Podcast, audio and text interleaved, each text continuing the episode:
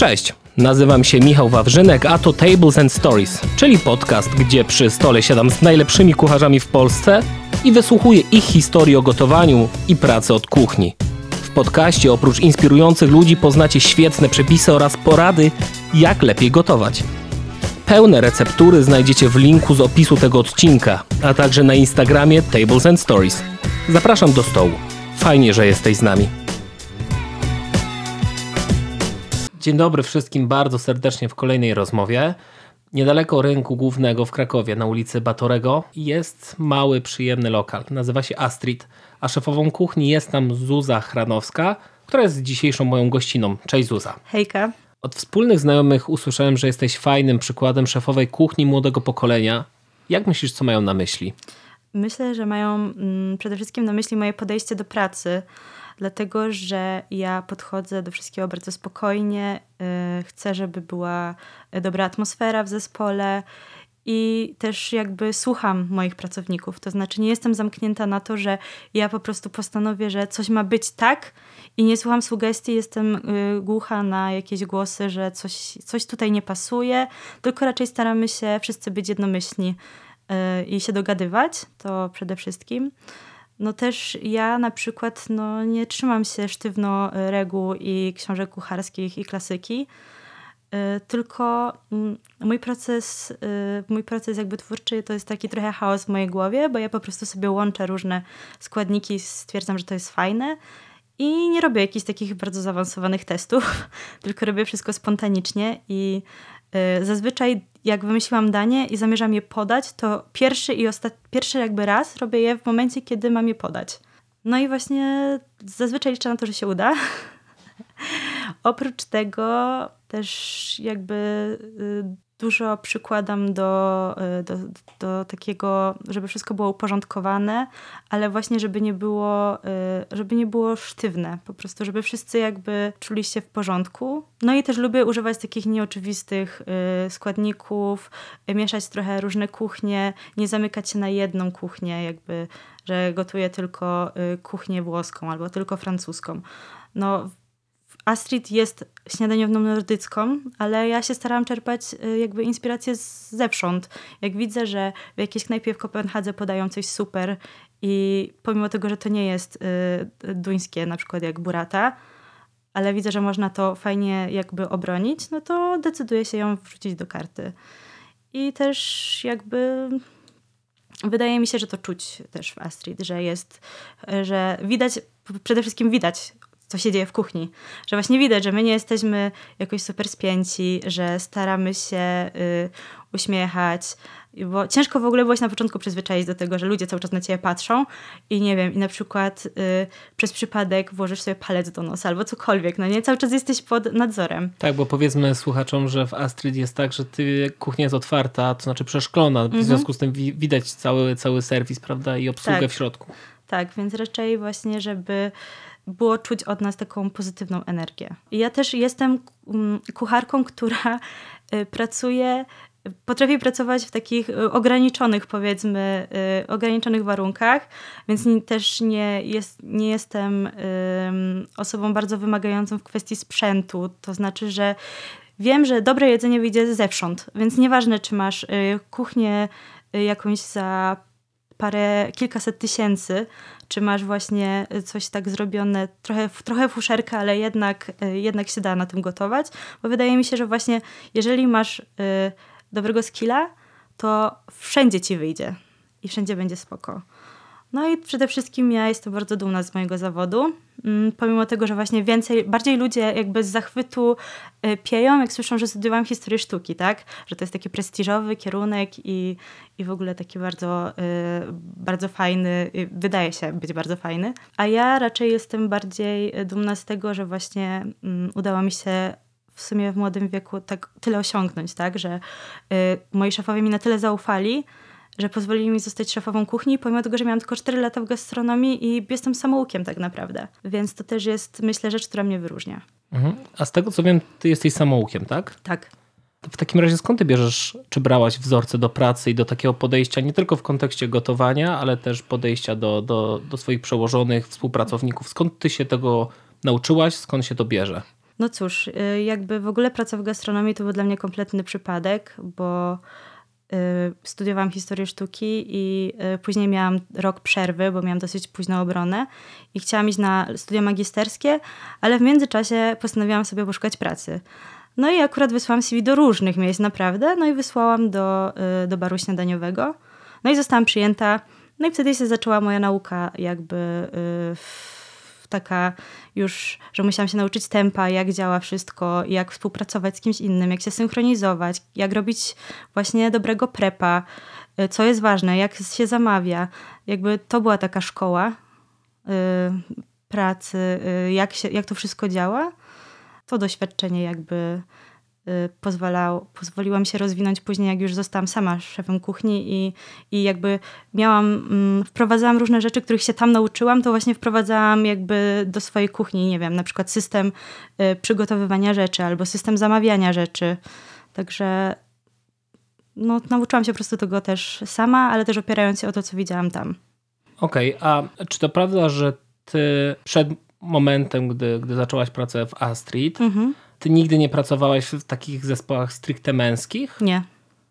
I, i, I właśnie jestem ciekaw, czy tobie jako szefowej kuchni w Astrid mhm. ta praca w raczej kobiecym zespole na samym początku byli sami mężczyźni. Okej. Okay. I, tak. właśnie, i, i, to doświadczenie pracy raczej z paniami mhm. e, utrudniało czy ułatwiło ci potem, wiesz, pracę z, z, w miejscu, gdzie byli już właśnie ci faceci? Jakby ja zawsze się dobrze dogatowałam z moimi kolegami, mhm. więc jakby to nie był dla mnie nigdy problem. Plus jestem taką osobą dosyć konkretną i w pewnym sensie dominującą, więc jakby stawiałam chłopakom granice, no bo oni wiedzieli, że ja jestem szefem. Y, przy mnie y, sobie nie pozwalali na niektóre żarty, jakby traktowaliśmy się z szacunkiem, więc nie było takich jakichś sytuacji właśnie mm, y, mizoginicznych. Natomiast y, raz miałam jednego pracownika, który z kolei y, przez swoje poglądy religijne traktował mnie jakbym była niżej od niego, przez to, że jestem kobietą, no ale długo u nas nie popracował, bo nie sprawdziła się nasza współpraca. Jasne. A wiesz co, wróćmy jeszcze do tego tematu e, studiów e, i, i wyboru potem mhm. drogi, drogi bycia kucharzem. Dlaczego zdecydowałaś się finalnie na mm, bycie kucharzem? Jakby, kiedy byłam nastolatką, to y, dużo gotowałam w domu, dlatego że u mnie w domu gotował ojciec, a ojciec późno kończył pracę. Moja mama nie lubiła nigdy y, y, gotowania i nie miała do tego ręki, więc ja jak na przykład wracałam wcześniej ze szkoły, no to jak chciałam sobie coś zjeść, y, takiego bardziej więcej niż tost, no to właśnie musiałam sama sobie ugotować. I przez to zaczęłam szukać różnych przepisów, jakby wtedy już nie, nie było takiego zaawansowanego, jakby jedzenie nie było wtedy aż tak modne, żeby, było, żeby można było po prostu wejść do Instagrama i sobie znaleźć jakiś przepis, tylko się szukało po książkach kucharskich. No i nauczyłam się tam parę rzeczy, spaghetti, jakiś makaron z łososiem i bazowałam na tym. Później zostałam wegetarianką, więc musiałam znowu wymyślić kolejną jakby yy, ścieżkę jedzeniową ale te rzeczy, które jadłam jako wegetarianka, jak teraz sobie o tym pomyślę, były tak obrzydliwe, że ja się dziwię w ogóle, że wytrzymałam w, w tym postanowieniu. A przepraszam, a co to było? Na przykład jadłam kuskus z oliwkami i awokado, bez żadnych przypraw.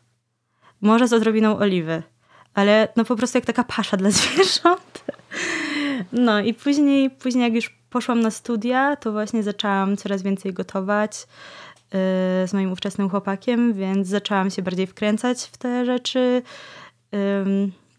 Zaczęłam kisić różne warzywa i jakby powoli się wdrażać y, w takie właśnie y, mm, w takie gotowanie y, bardziej specjalistyczne, że już taka wyższej klasy, próbowanie właśnie takiej klasyki w domu. No i wtedy jak byłam na studiach, to akurat dużo czasu spędzałam poza domem, więc jadłam w knajpach ale w trakcie, w trakcie studiów miałam taką romantyczną wizję, że zostanę y, doktorantką albo będę pracować w galerii sztuki i będę sprzedawać wielkie dzieła. Y, ta, te marzenia szybko mi jakby y, przeszły koło nosa, więc jakoś tak szczerze mówiąc skończyłam te studia i nie wiedziałam, co chcę robić. I miałam ten rok przerwy, więc poszłam wtedy do szkoły krawieckiej, gdzie, gdzie gdzie uczyłam się y, szyć, bo był akurat taki kurs dwuletni zawodowy dla, dla kobiet organizowany przez Unię Europejską. No ale wytrzymałam na tym kursie pół roku, dlatego że jestem perfekcjonistką i jak coś mi nie szło, to prułam to i robiłam od nowa. I już miałam takie tyły w, w tych pracach do zaliczenia, bo coś robiłam cały czas, a dziewczyny obok się tym nie przejmowały, że tam im coś poszło delikatnie krzywo jakaś nitka i oddawały. Plus yy, miałam taką przygodę w połowie ty, tego kursu, że złamałam nogę. No i nie mogłam chodzić na kurs, więc trzy miesiące spędziłam w domu Y, z tą y, złamaną nogą. I jak tylko noga wróciła do, y, z powrotem do użytku, no to zaczęłam szukać pracy. Też takie w, trochę w formie rehabilitacji, żeby właśnie się wdrożyć do, do normalnego życia i dochodzenia. No i właśnie wtedy znalazłam pracę w gastronomii. No i to był zupełny przypadek, ale po pierwszych w ogóle takich zmianach poczułam jakby Y, takie spełnienie, że to jest właśnie to, co chciałabym robić, że jakby odpowiada mi, bo jest szybkie tempo, y, wszystko można robić y, na bieżąco, jakby właśnie jeżeli masz, jeżeli masz dobrego prepa, no to składasz, po prostu wydajesz i to nie jest jakaś wielka filozofia. No więc to mnie wciągnęło bardzo. I do tego stopnia, że no już prawie 5,5 roku pracuję w gastro. Zaczęłaś edukację Mm, w kierunku historii sztuki mhm. i bycia ekspertem w, w, w ramach tego tematu. Mm, co na to twoi rodzice, gdy powiedziałaś im, ok, już koniec z tymi studiami, idę, idę do kuchni? Y, byli w tym w porządku. To znaczy mój tata był bardzo zawiedziony, bo liczył na to, że właśnie skończę magisterkę i będę pracować w jakiejś galerii, dlatego że on kończył ASP, więc jakby y, bardzo chciał, żeby chociaż jedno dziecko, bo wtedy tylko ja studiowałam y, kierunek artystyczny powiedzmy, żeby miało właśnie, szło w tym samym kierunku co on. No ale na szczęście później moja siostra poszła na SP i teraz jutro kończy y, swój dyplom, także broni się, więc przynajmniej jedno dziecko zrobiło to, co on chciał, a mi już zostawił wolną rękę co do mojej przyszłości. No i nie miał z tym problemu, bo on bardzo lubi gotować. No a moja mama ma takie liberalne podejście, więc też nie było to jakimś wielkim problemem. Super. A w kontekście tej nowej fali e, kucharzy i, i nowego podejścia do pracy, kim dla ciebie jest kucharka? Kucharka? No to jest y, po prostu y, kobieta, która gotuje. I no bo wiesz co, kilka jeszcze lat temu e, kucharka to była osoba, która gotowała na stołówce. Tak, no właśnie pomyślałam o tym. No teraz już wydaje mi się, że to zmienia się dlatego też, że jakby używanie feminatywów e, jest coraz e, bardziej w świadomości społeczeństwa. No i właśnie dlatego kucharka to już nie jest taki zawód pogardzany, tylko raczej też dziewczyny, które gotują, piszą o sobie z, bardzo, z dużą dumą, że one są kucharkami. Mhm. I właśnie, i, i, jak ty właśnie podchodzisz do tego, że pracujesz w tym zawodzie jako coś cool, fajnego, trendy, tak. czy okej, okay, okej. Okay. No po prostu ja kocham jedzenie i kocham y, y, tworzyć, y, wymyślać, przekładać, dokładać. Cały ten proces tworzenia, który się dzieje w zasadzie w mojej głowie, bo akurat to jest chyba mój talent, który odkryłam y, jak zaczęłam gotować, że ja sobie potrafię wyobrazić smak i go połączyć z innym smakiem i w ten sposób y, łączę to w mojej głowie i potem na przykład właśnie pierwszy raz to robię przed podaniem albo pierwszy raz to wykonuję przed testem do nowego menu. Jakby nie robię wcześniejszych prób i zazwyczaj to działa. Jeszcze nie trafiłam na taki pomysł, który by nie zadziałał, ale może w końcu się pojawi yy, takie danie. No ale właśnie yy, to jest dla mnie taka największa przyjemność. I też praca ja lubię pracować z kimś, szczególnie w duecie. Jeżeli robię pop-upy, to robię je zazwyczaj, mam prawą jakąś rękę do pomocy też w robieniu prepa i to zazwyczaj jest moja przyjaciółka, z którą się poznałyśmy w mojej starej pracy. Lub jakiś właśnie też osoba, y, która, z którą dobrze znam i się przyjaźnię i po prostu znamy swój, y, swój rytm działania i nie wchodzimy sobie w drogę, tylko sobie pomagamy. Więc to też jest dla mnie taka duża przyjemność. Mhm, a ten, jaki jest ten twój rytm pracy? Jesteś jakby bardziej poukładaną osobą, czy kompletnie freestyle i chaos? Jak pracujesz? Y, Freestyle chaos jest w mojej głowie, a jeżeli chodzi o to, co jest z- na zewnątrz, to jest poukładanie. Ja bardzo lubię mieć zorganizowane y, swoje stanowisko, wszystko w jednym miejscu. Nienawidzę po prostu brudu. Nienawidzę, jak ktoś, nie wiem, jak czasami widzę, że są zostawione, nie wiem, milion łyżek poplamionych na, leży na blacie. No nie, nie, nie, to dla mnie nie. Y, Mi to, mi to tylko utrudnia pracę i powoduje, że się zaczynam denerwować, więc ja lubię mieć wszystko poukładane. Mhm, a y, też mówiłaś o tym perfekcjonizmie. Tak, On też się przejawia w twojej pracy w kuchni? tak. A to cię, masz wrażenie, że czasem hamuje, czy przyspiesza twoją pracę? Zależy. No kiedyś miałam takie mocno zaawansowane, y, powiedzmy, OCD, że nie potrafiłam zjeść krzywo ukrojonego pomidora. No ale już zwalczyłam to, ale na przykład no, w domu mi się zdarzało, że wiesz, parę plastrów gdzieś tam szło y, do zjedzenia, kto, nie wiem, dawałam komuś albo, albo chowałam z powrotem do lodówki, no bo nie byłam w stanie po prostu zjeść takiego krzywo ukrojonego pomidora. Teraz to się bardziej objawia właśnie w tym, że y, w tej estetyce wydawania dań, no i w smaku, że musi być naprawdę intensywny, y, że musi być umamiczny. A jeżeli nie jest, no to dopóki nie będzie, no to ja nie wydam jedzenia. Okej, a twoi współpracownicy czy podopieczni, jak, jak podchodzą do, do, do tego twojego perfekcjonizmu? Jakby rzeczywiście masz wrażenie, że czasem przesadzasz, czy, czy nie? Nie, podporządkowywują się. Ja też jakby y, delikatnie zwracam uwagę, y, ale raczej nie mam problemów, bo akt, moja aktualna ekipa ma podobne jakby podejście, że wszyscy lubią jak jest czysto, sprzątają po sobie, y, wszystko mają ułożone pod siebie i to mniej więcej jest y, mniej więcej jest tak samo jak ja to robię, więc nie mam z tym problemu. I oni też nie mają z tym problemu. Okej, super. Mówisz, że twoje pomysły kulinarne są raczej trafione i mam wrażenie, że ten twój dzisiejszy przepis, o którym pogadamy, to też będzie pewniaczek, bo będzie to... Zanella. Czym to jest? Czyli taka sałatka, która powstała y, y, we Włoszech wśród biedoty, bo na początku składała się z y, grzanek czerstwego chleba, cebuli i octu. Potem doszły pomidory i ta właśnie wersja z pomidorami to jest taka najbardziej klasyczna. A ja ją uzupełniam na przykład malinami, rzodkiewką. Y, Fajnie jest dać też jakieś świeże zioła i po prostu mieszasz to wszystko razem z octem w dużej misce, aż ten chleb trochę będzie nasiąknie tym octem i, i, i, tym, i tymi y, y, sokami z pomidorów, z malin. No i po prostu to jest prosta letnia sałatka. Y, Czy są tu jakieś takie elementy czy składniki, które uważasz, że są mm, game changerem w tym, w tym przepisie? Na coś powinniśmy w szczególności zwrócić uwagę? Fajnie jest mieć jakiś dobry ocet. Najlepiej właśnie nie jakiś taki oczywisty, tylko nie wiem, ocet winogronowy z porzeczką, bo to doda też takiego y, smaczku nieoczywistego. Y, No i ja bardzo lubię połączenia pomidorów z owocami. Mm, Nie wiem, na przykład jak jem pomidory, to jem z truskawkami, z arbuzem, z malinami, więc właśnie takich sałatkach, y, że jest pół na wytrawnie, pół na słodko, że masz jakby takie połączenie, taką eksplozję smaku. E, Szczególnie chyba teraz, w tym okresie letnim, kiedy te, te, te, te, pomidory są jeszcze bardziej słodkie, nie? Tak. To super pasuje. Tak, a jak ktoś właśnie nie lubi, y, nie lubi jeść y, owoców w, z warzywami, to na przykład możesz sobie zrobić panzanellę, tą podstawę, ten rdzeń uzupełnić o bób, o szparagi i też będzie super. Mhm. Te- pomidory raczej preferowałabyś, żebyśmy kroili e, dosyć grubiej, jakby większe kawałki, czy, czy, czy raczej wiesz? Wódeczki, wódeczki. Czy, ta- Okej, okej, czyli raczej większe kęsy, nie? tak, tak. E, I jeszcze na sam koniec e, temat, temat chleba. E, Tutaj podejrzewam, że te na zakwasie będą najlepsze, najbardziej aromatyczne, nie? Tak.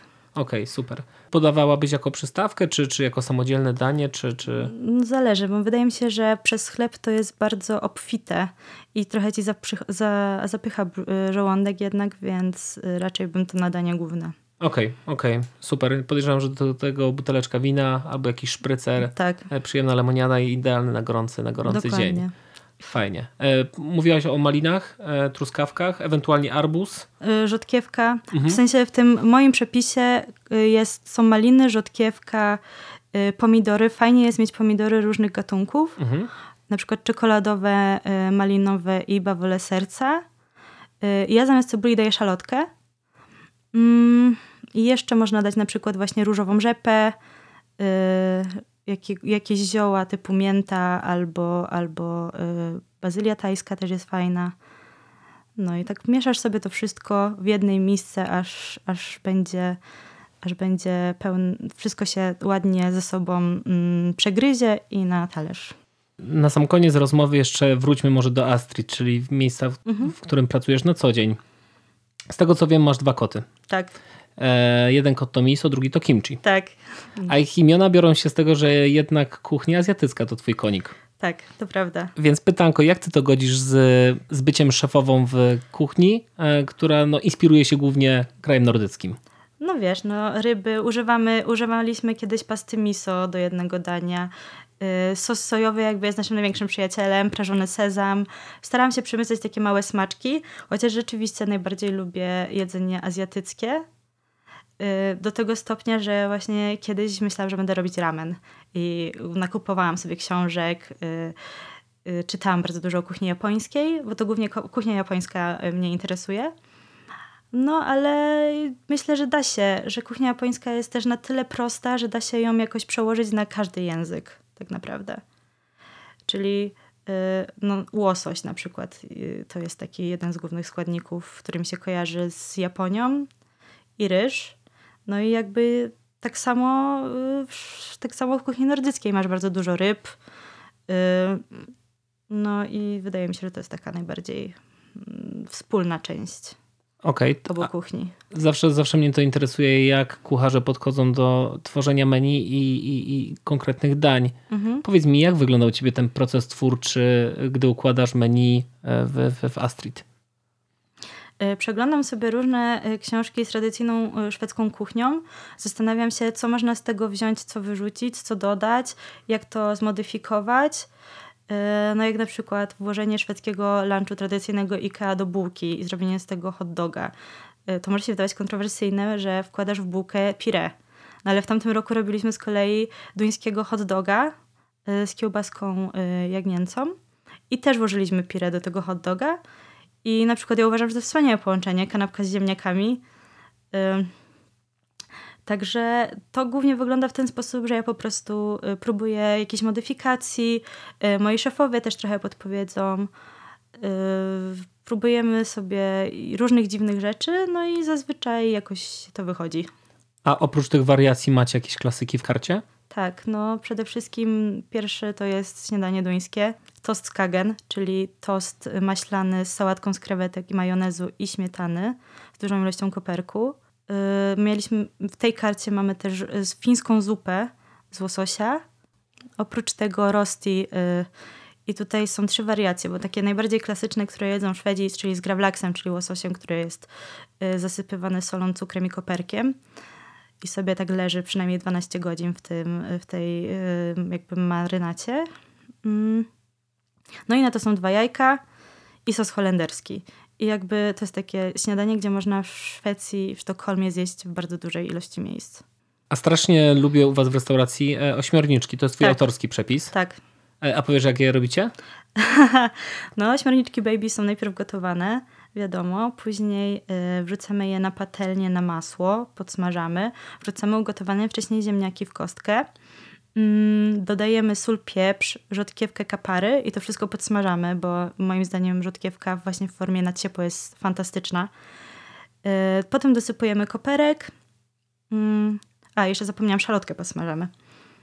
I potem dosypujemy koperek, mm, przekładamy na talerz, podajemy jeszcze szczypułki kaparów i to jest w sumie wszystko. Tam jest jeszcze ocet? Nie. A, bo to zawsze jest taki ciekawy, ciekawy taki lekko kwaskowaty posmak e, i to świetnie kapary. gra. Okej, i, to, i, to, i to świetnie, świetnie gra. Tak, właśnie y, chciałam zrobić y, wariację na temat sałatki ziemniaczanej. Super, ale naprawdę rewelacyjnie to smakuje. Powiedz mi jeszcze tak zupełnie na koniec, mam takie dwa, dwa, dwa pytania, bo zawsze słuchaczy interesuje to, jak wygląda praca w kuchni od kuchni, czyli co tam się dzieje w środku. Czy ty możesz mi powiedzieć, jak wyglądały twoje pierwsze dni w, w Astrid, gdy tam przyszłaś jako szefowa kuchni? Mm, tak, więc przez pierwsze dwa dni pracowałam sama. Przychodziłam chyba na szóstą rano, czy tam na piątą trzydzieści, bo tak naprawdę nie wiedziałam, jak robić tego prepa, w sensie na ile przygotowywać. Więc musiałam jakoś to odkryć y, i, i dograć. Mm, więc y, przychodziłam sobie rano, robiłam sobie prepa. No i potem przychodzili goście. W tym momencie otwarcia miałam tylko dwa palniki indukcyjne, więc często było narzekanie, że długo trwa y, podanie, ale no niestety, jeżeli wszyscy zamawiali rosty, a ja miałam tylko dwie patelnie, to nie byłam w stanie usmażyć ośmiu porcji naraz. Więc to było takie utrudnienie, y, ale później y, już podłączyliśmy grilla i teraz jest super szybko. No i co? No i przez pierwsze, pierwsze dwa dni byłam sama na kuchni i w weekend dołączyli do mnie szefowie, czwartego dnia miałam przygodę, taką dosyć y, nieciekawą, ale jednak nie było tak źle. Mianowicie byłam z Adamem na zmianie sama y, i kroiłam ser holenderski swoim nożem. I chciałam zrobić jakby dźwignię z tego noża, żeby go przepchnąć ten ser i wbiłam sobie cały koniec do nadgarstka.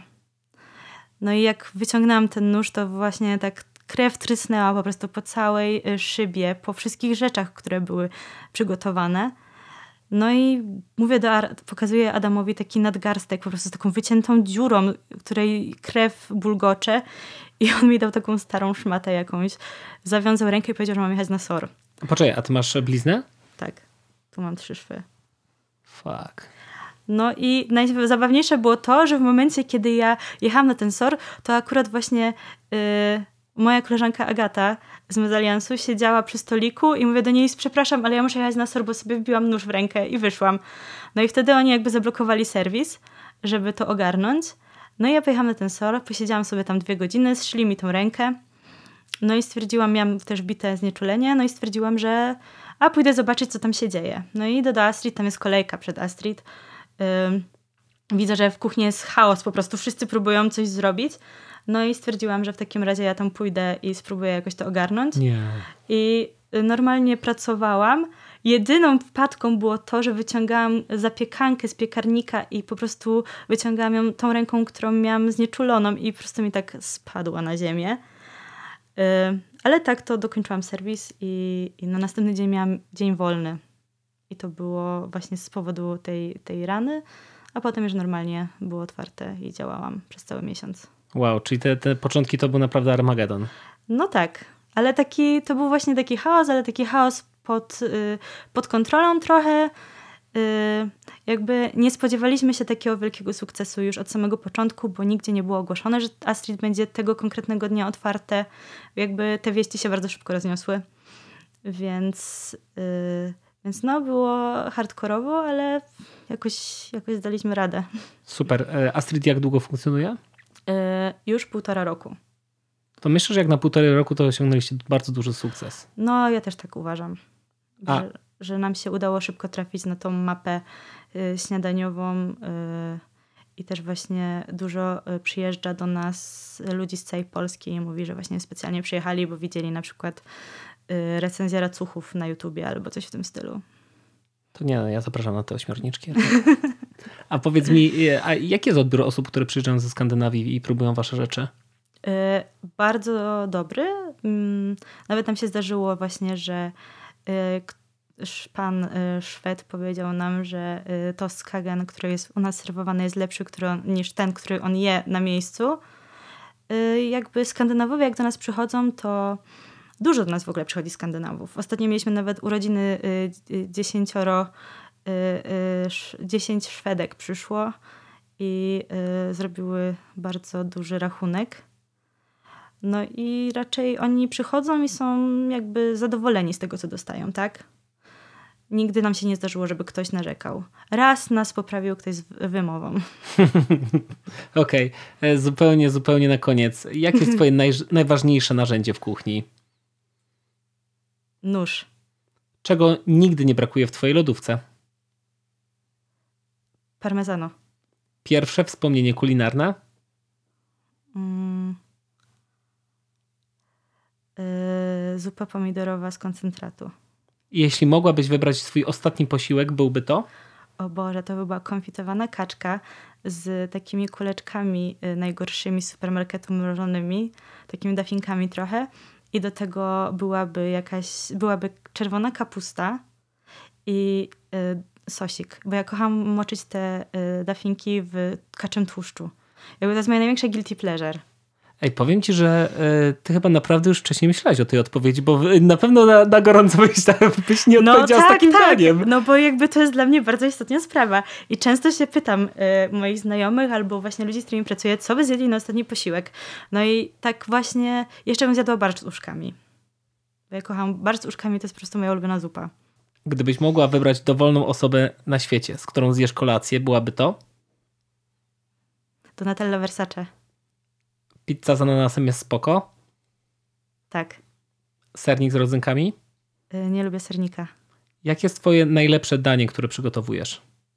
Mm, spaghetti z sosem pomidorowym. I jestem ciekaw, bo mówiłaś, że w, w, na pewnych etapach kariery różnie to było w, w, w, środowisku pracy, w którym byłaś, więc jestem bardzo ciekaw, co odpowiesz na to pytanie. Jeśli zostałabyś e, ministrem do spraw jedzenia, jakie byłoby twoje pierwsze rozporządzenie? Masło dla wszystkich. Porówno dla wszystkich? Tak. W takim razie dziękuję Ci bardzo za, za porcję masła. Dzisiejszym gościem była szefowa kuchni Astrid z Krakowa, Zuza Chranowska. Dziękuję również. Dzięki za wysłuchanie tego odcinka. Pamiętaj, że pełen przepis znajdziesz w linku w opisie. Nie zapomnij też o tym, że ocenianie i komentowanie podcastu Rączek nie brudzi. Jeśli podobał Ci się ten odcinek, proszę oceń go w Spotify lub skomentuj na innej platformie, z której korzystasz. To naprawdę sporo dla mnie znaczy. Dzięki i do usłyszenia.